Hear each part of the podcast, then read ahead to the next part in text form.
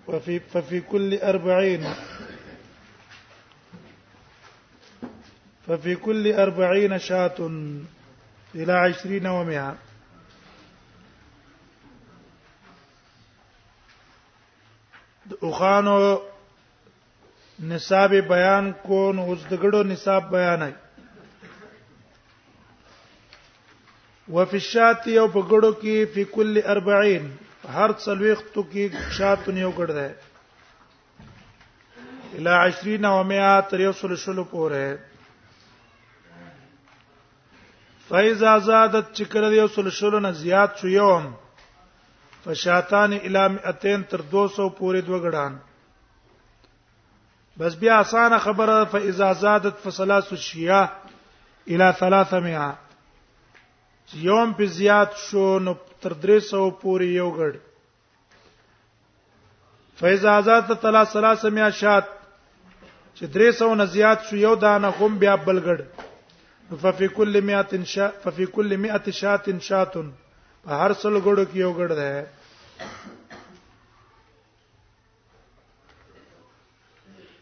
ثم ليس فيها شيء بینشت پای کې څه شي حتی تبلغ 100 تر سلو ته چې ورسیږي د لاندې کې څه نشته وګوره دلته حدیث کې مطلق ذکر شو چې په اوخانو پنځو کې یو ګډ ده او په ګړو کې سلويختو کې یو ګډ ده خیر اوسه د صائمه او د غیر صائمین شته برابر خبره ده کدا او خان او غړې تا کور کې ساتلې وي پټې دی ول ساتلې او خراس کاک د خپل ورکاو او کنا بار اوسېدلې دیوژن د علماو اختلاف ده چې آیا د فرضیت د زکات لپاره په دې ګړو پوخانو په غواګانو کې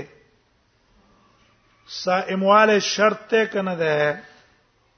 صائم خو پیژنې صائم هغه ته ویل کیږي المكتفيه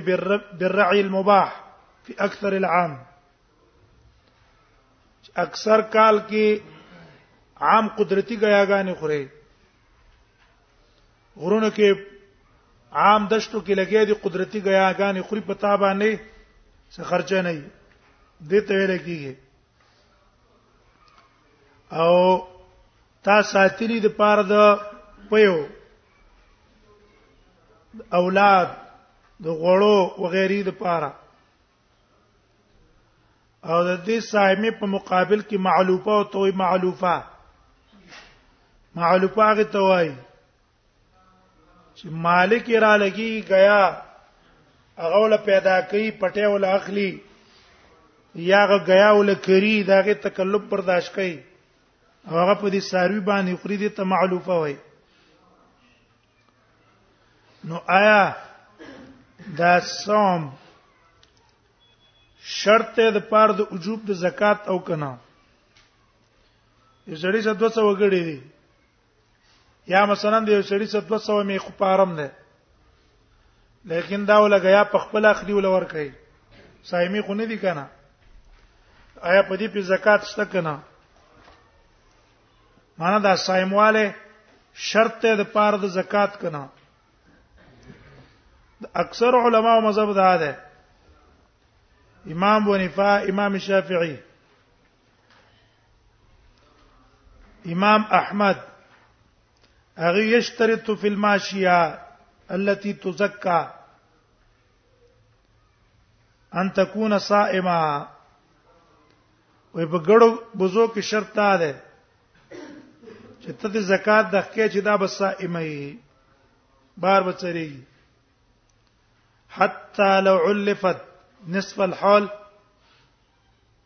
وای کې نیم کال دولتا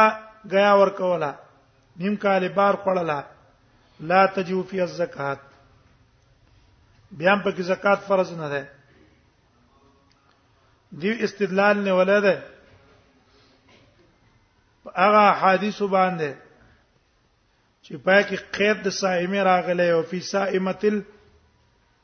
غنم یو فی سایمه الابل امام داوود روایتونه راوړي فی سایمه الغنم وګوره نبی صلی الله علیه وسلم قید وسو څو لګاو صائمه او څو لګاو له صائمه دا قید احترازی شو د معلوفینا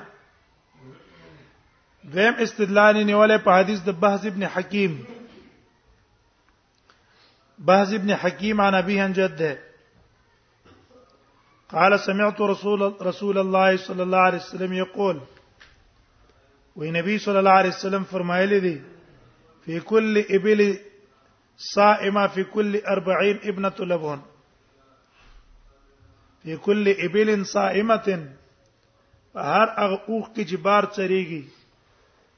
هغه کې څه شه ده فی کل 40 ابنه لبون هر څلويختو کې یو ابن لبون ده روایت امام احمد نے صحیح ابو داود راوړه دیوی ګوره نبی صلی الله علیه وسلم قید چې اولګو د اوخان سره په صائمه دارنګ قید اولګو د ګړو سره په صائمه نو دا دلالت کوي په خپل مفهوم چې معلوفه لا زکات فيها پکې زکات نشته ولی نبی سم چې قید اولګي نو د دې قید ذکر کول لپاره خامخه فائدہ پکار ده لابد له من فائدہ يعتد بها یو فائدہ به چې هغه فائدې لب اعتباری او دا فائدہ به ذکر ذکر کو صيانه لكلام الشارع عن اللغو د وجد ساتلو د کلام د شارع د لغو نه اوس کله صایمي قید من اون اون اون وایو بیا د نبی صلی الله علیه وسلم دا قید لګول لغو شو کنه شو به پیدا شو څه فائدې نه نه دیو جن موږ بخامخه دی قید له اعتبار ورکو چې رسول الله صلی الله علیه وسلم قید د صائمه ولګاو دویم قول د امام مالک ده لیس ابن سعد ده ربيعه الرائي ده هغه تجب الزکات فی الماشیه مطلقاً په ګړو بزو کې زکات مطلقاً فرض ده برابر خبره ده معلوفه ام لا غیا ول ورکی کنه ورکی عامل ام لا عمل والای او که غیر عمل والای زکات به ورکړي کله چې نصاب ته ورسېدا او دی استدلال نیولې په احادیث مطلقه او لکه ګوره دې حدیث کې دي چې نبی صلی الله علیه وسلم چې ویل قید پکشته نه قید کې دادی نبی صلی الله علیه وسلم وی چې هر پنځو کې څه دي خمس من الابل الشهر او فی کل 40 شهر فی کل 40 وفي الشاي في كل 40 شات غره قید مت پکې صائمین نه لګولې دا رنګ بل حدیث ته ليس في ما دون خمس زود صدقه ليس في ما دون خمس زود صدقه نبی صلی الله علیه وسلم د پنځو اوقان نه کم کې زکات نه وګوره زود مطلق ذکر کو پای کې قید د صائمه او غیر صائمه نه لګوله ترنګ نبی صلی الله علیه وسلم چې وکله معاذ رضی الله عنه یمن ته لګو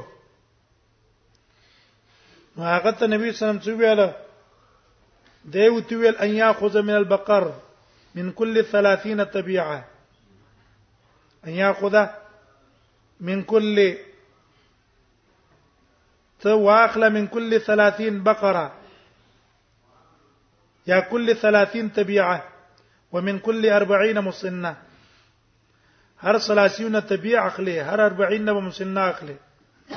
لاندې مصنف ته حدیث راوړی دی امام ابو داود هم راوړی امام ترمذی هم راوړی نو ګوره دې کې قید سند لګولای چې کم غواګانې صائمه نو صائمه قید چې ونه لګاو او مطلق ذکر کو دا مطلق شامل دی دواړو نه وته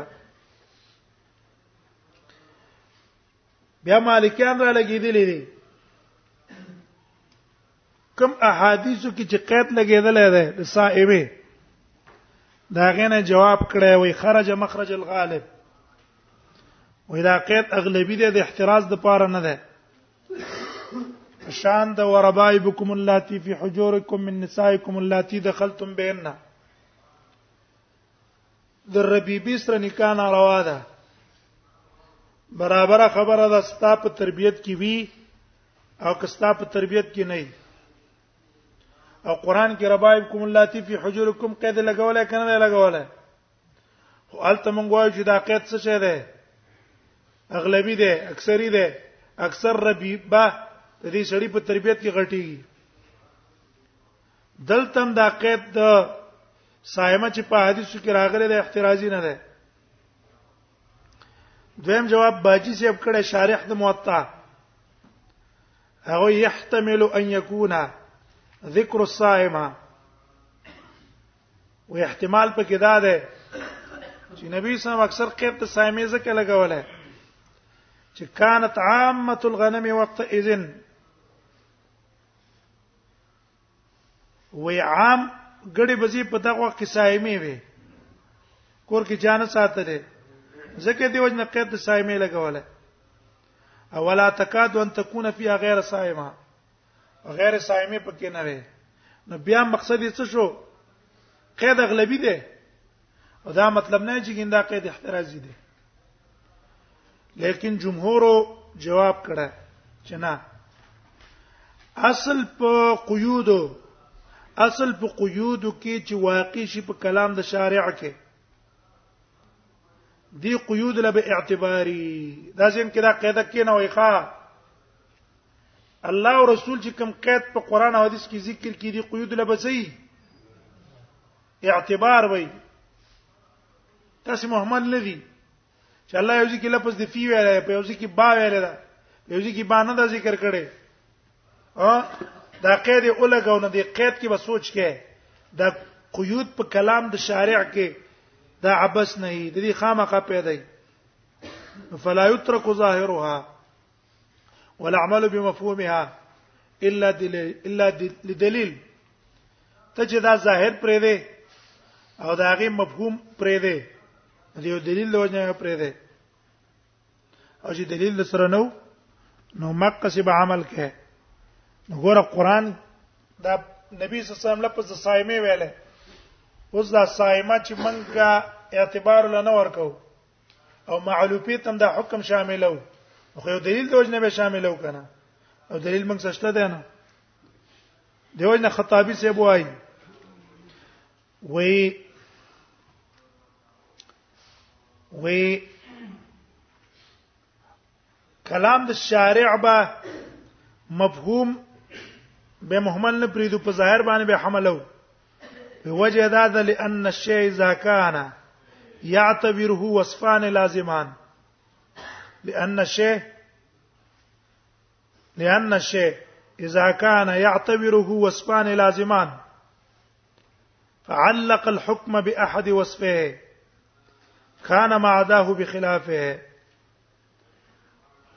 امام خطابی ګوره یو شی ده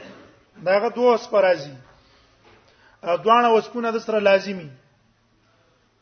ټیک شو او شریعت راولګي دا یو وسه په ذکر کو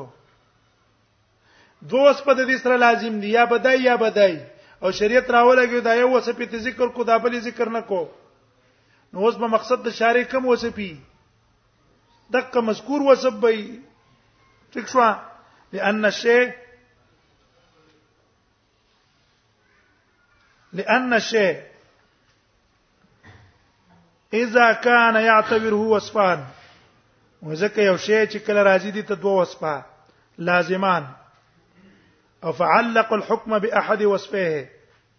او دا را اولګي د تعلیق د حکم په احد الوسبین باندې وکړو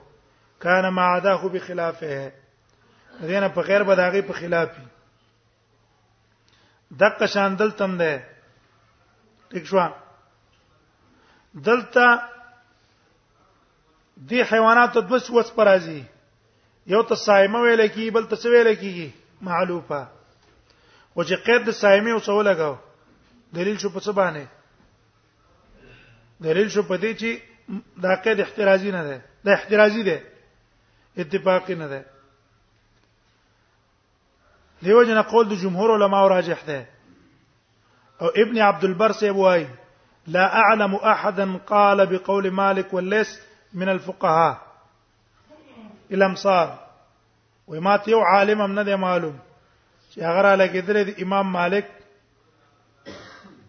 یا د لیس ابن سعد په قول باندې قول کړی بلکې ټول دا ویل دي چې زکات به الف فرض کیږي چې کلا معلوفه دا معلوفه نه صائمه بار چریږي الو په کې زکات فرض دي ولا ثم ليس فيها شيء حتى تبلغ مه ولا يجمع بين متفرق ولا يفرق بين مجتمع وی جواب نشرا واستل کېدل په مابین د متفرق کې ولا يفرق بين مجتمع او نه براجم کی په مابین د مجتمع کې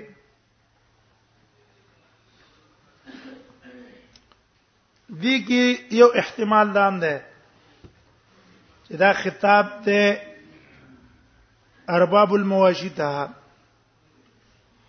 خطاب ده چاته ارباب المواشی ته چې ولا يفرقو نبرا جمع کې دا ګړو بوزو والا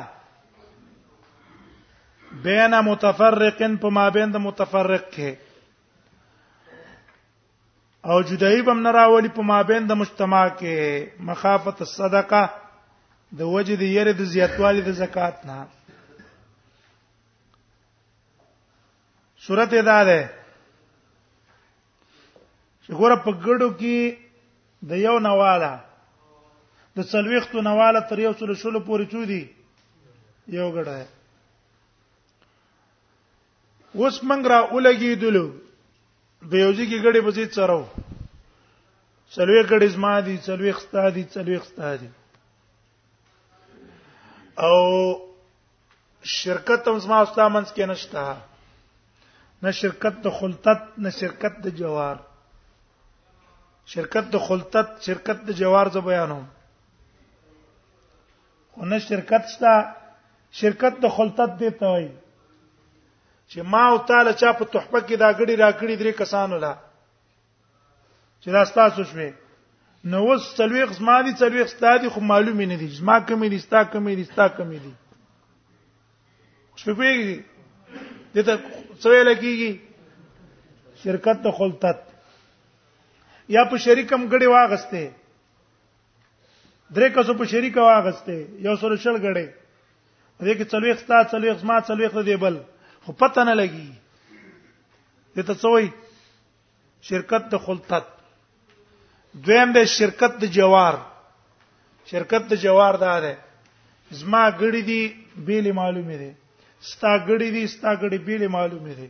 د د غړي دي هغه بیل معلومه دي خو من دریوانو ویاله چې هر ار یو تن به څوکیدار دی لنی شو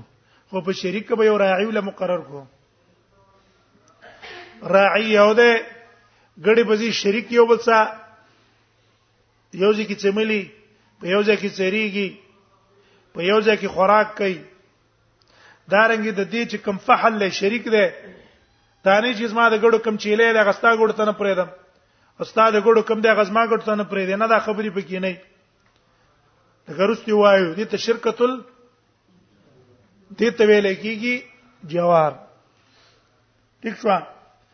نو زما ستا په منځ کې څلوي ګړی ستا دي څلوي اسما دي څلوي خد د دي زما ستا منځ کې نه خلطت شته د شرکت نه خلطت د جوار والساعي چې راشي نو په ما باندې یو ګټ لازم ده دغه ما څلوخ تر رسیدلی کنه په تام یو ګډ لازم دی څلوخ تر رسیدلی دی او په دې بلم څلوخ کې یو ګډ لازم دی خو منګ را اولګیږو د زکات نه ځان بچ کېدو د پاره هغه سعید ته وایي بي جی دا زمنګ څه دي شریکي ګړي دي یا شرکت ته خلطت ته شرکت د جوار ده د دې لپاره چې د دریو په ځای باندې سمنګ ورکو یو لور کو اوس په پېښ وای اخا په تصدقه باندې ورزيدلې ولا يفرق نو نبا څه باندې کوي جدای باندې نه راولي نه لا يجمع جمع باندې راولي په مابین د متفرق او لا يفرق او تفریق من په مابین د مجتمع کې نه راولي ولا يفرق ولا يفرق بين مجتمع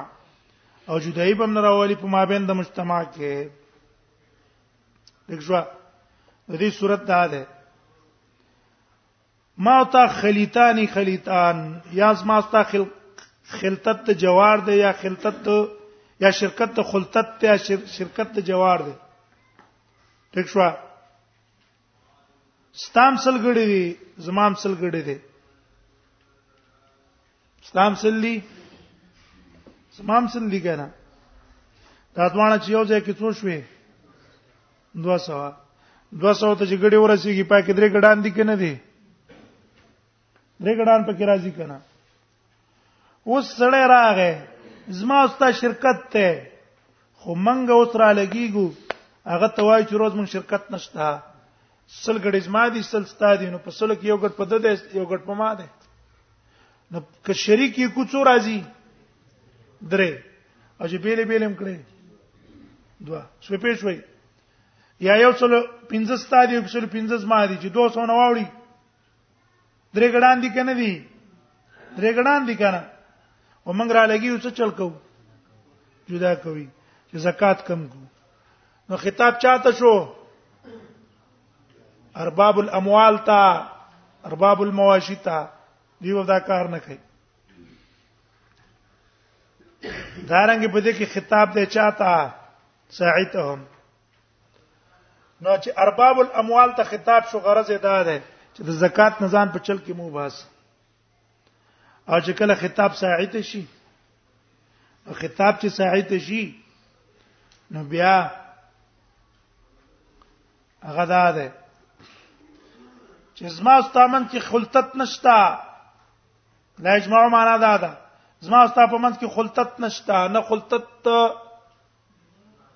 شرکت شته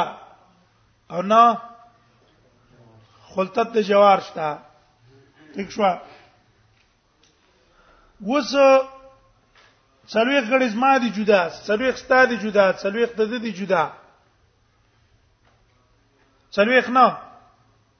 کمی دي مثلا یو کم څلوي خستا دي یو کم څلوي خسما دي یو کم څلوي خدا غدي په یوم زکات نشته کنه تنشتا په یوم زکات نشته اوس دا شاعر لګي چې ورو دا کذبی حساب کوم زکات په ناراضي بس وای چې ورو تاسو یو شه ده تاسو شرکت ته او را اولګي موږ نه څو واخلي دوه غډان نه واخلي ځکه اصول شل ته خلانه دي رسیدلی کنه اصول شل نه کم خوشو کنه څو غډان نه واخلي دوه زکات را باندې لازم کی دویمه تفریق صورت ادا ده څلوي غړه استادي څلوي زما دي څلوي داغه دي خو زما ستا په منځ کې شرکت ته خلطت ته یا د شرکت یا د جوار څو غړ لازم دي یو یو سره شل نه چې کم یو غړ ده کنه اوس دې را لګي موږ لڅ کوي جدا کوي چې نه دا ستا جدا ملکیت ته د جدا ملکیت ته د جدا ملکیت ته او د دې غرض د پاره چې زکات موږ باندې څه راولي ډیر راولي نو دا بم نه کوي ځکه دې کې نقصان دی چاته دې کې نقصان دی ارباب الاموال ته نو ارباب الاموال لبم نقصان نه ور کوي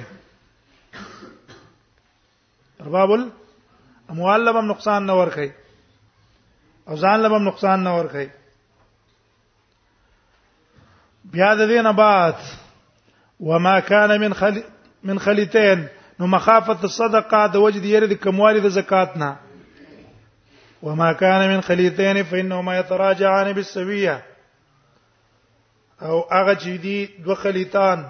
فانهما يتراجعان بالسويه دی به رجوع کوي په یو بل باندې یو شان شریکان نه مراد دلته څوک دي چې د یو مال د بل سره ګټي بلا تمیز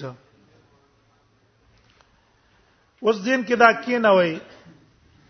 چې مخکې تماویل چې یو شرک یو خلطت ته شرکت ته خلطت ته جوار ده امام بن فرحم الله خلطت د جوار له هیڅ اعتبار نه ور کوي په زیادت د زکات او په نقصان د زکات کې هغه له هیڅ اعتبار نشته ټیک د څلوي ګډ ازما معلومي دي څلوي خستا معلومي دي اگر کراعی مل یو کړه ده مرعا یو ده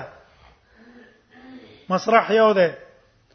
خوز ما جدا ملکیت ته ستا جدا ملکیت ته په دې شرکت باندې څه نه کیږي فرق نه راځي ها دا هغه په نسبت باندې شرکت د ملک خلطت د ملک معتبر ده شرکت مثلا څلوي ګډي ستا دي څلوي ګډي زما دي پلان نه راته په میراث کې پاتې شي وي دي چې هدیه تحفه کې را کړی دي او تعین پکې نشتا چې بزما ګډه کما ده ستا ګډه کما ده یا پلان نه په میراث کې پاتې دي خو تعین لا نشتا یا په شریکه مو په پیسو واغسته ولیکن تعین پکې نشتا دته ویلې خلطت کنا د ملک نو خلطت څه شولو دته ویلې کیږي د خلطت نه اعتبار وای ٹھیک شو امام بونی فوای چې په دې خلطت په صورت کې شاعره اولګې دوه موږ نه زکات ویوړو چې وکړو زکات یې وړو نو اوس به زکات څه کوي فإنهما يتراجعان بالسويه دی ول با په یو بل باندې برجو کې یو شان سبا کوي يتراجعان بالسويه هغه دا چې زما ګړې په شرکت کې څلوي خوې او ستا په کې اتیا وي او موږ نه څو ویوړو یو ګړې ویوړو نو په ما باندې څونه راغې یو سلس او په تا باندې دو سلسان راغله ٹھیک شو پینو متراجان به سمې به ور رسیدلې دی برجو په څه باندې کوي سوي باندې وکړي چې د یو سلس جوړېدو اوبه د ګډ سلسي قیمت ورکړي او چې د چا د سلس جوړېدو او د سلس د قیمت ورکړي یا لاکس د چا روبه وا روبه ورکړي به معنا شو او عام دغه اعتبار نشته ٹھیک شو شرکت الجوار له اعتبار نشته داغه دلیل دا ده وای جګورا حدیث کې دی لیسه فی ما دون خمس زود صدقه دارنګ حدیث کې دی فإن لم تبلغ صائمه الرجل 40 فليس فيها شيء یا دی پاس روایت کې تیر شو ثم ليس فيها شيء حتى تبلغ 100 دا روایتونه مطلق دي کنه دي مطلق دي کنه چې مطلق شو قید مت پکې ده شرکت ته جوار نشته نو معلومه شوه چې دې شرکت ته جوار له اعتبار نشته او یتراجعان بالسویه دغه معنا شو دویم قول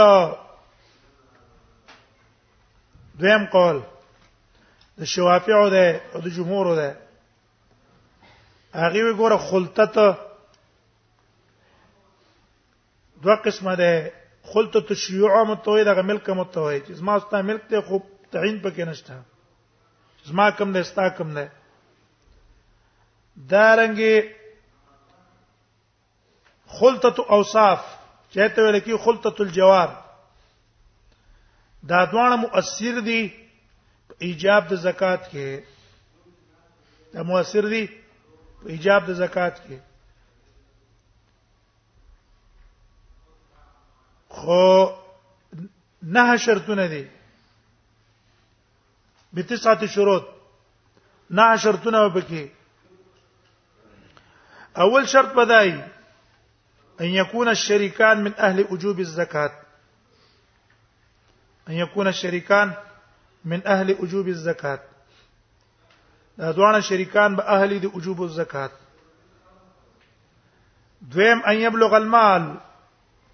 بعد خلته نصابا چې ما او تا مال خلط کو نصاب ته رسیږي شل غړي ستادي شل زما دي نصاب ته ورسېدې کنه الله پکې زکات اګ نور لستادي نور لزما دي اتل اته د است جوړ شو بهم پکې زکات نشتا دیر اعتبار نشتا درم ان يمزي عليه بعد الخلط حول كامل د دې خلطت نه ورستو څونه وخت تیریږي یو کال به تیر شوی دانه چې نن ما شریک کړو سوال اپ سي سعی راغه زکات را نخلي سلورم الله يتميز احد من الاخر زما او ستا غړي چې ما یو بل څه شریکی کړی دي اگر که زما معلومه دي ستا معلومه دي خو د دې تمیز د بل نه نه پڅکه فل مراح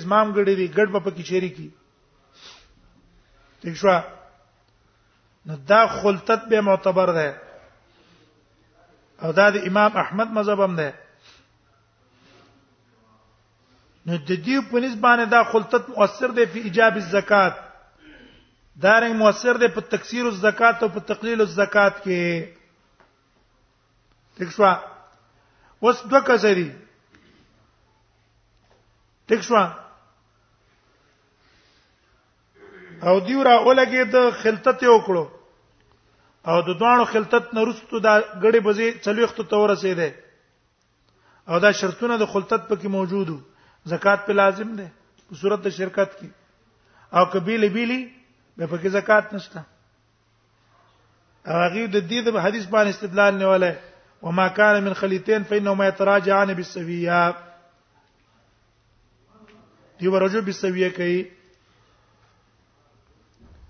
ها سویم د قمانا شو بیا هر یو تن په خپل مطابق رجوع کوي ولا یخذ فی الصدقه حارمه نباغستل کی په زکات کې حارمه تون ډیر بډای زکات کې تبلیغ انتهایی بډای والے چې څه فائدہ تینا غستلې کی ځکه دا غي خو هم د کار نه بچیم نه راوړي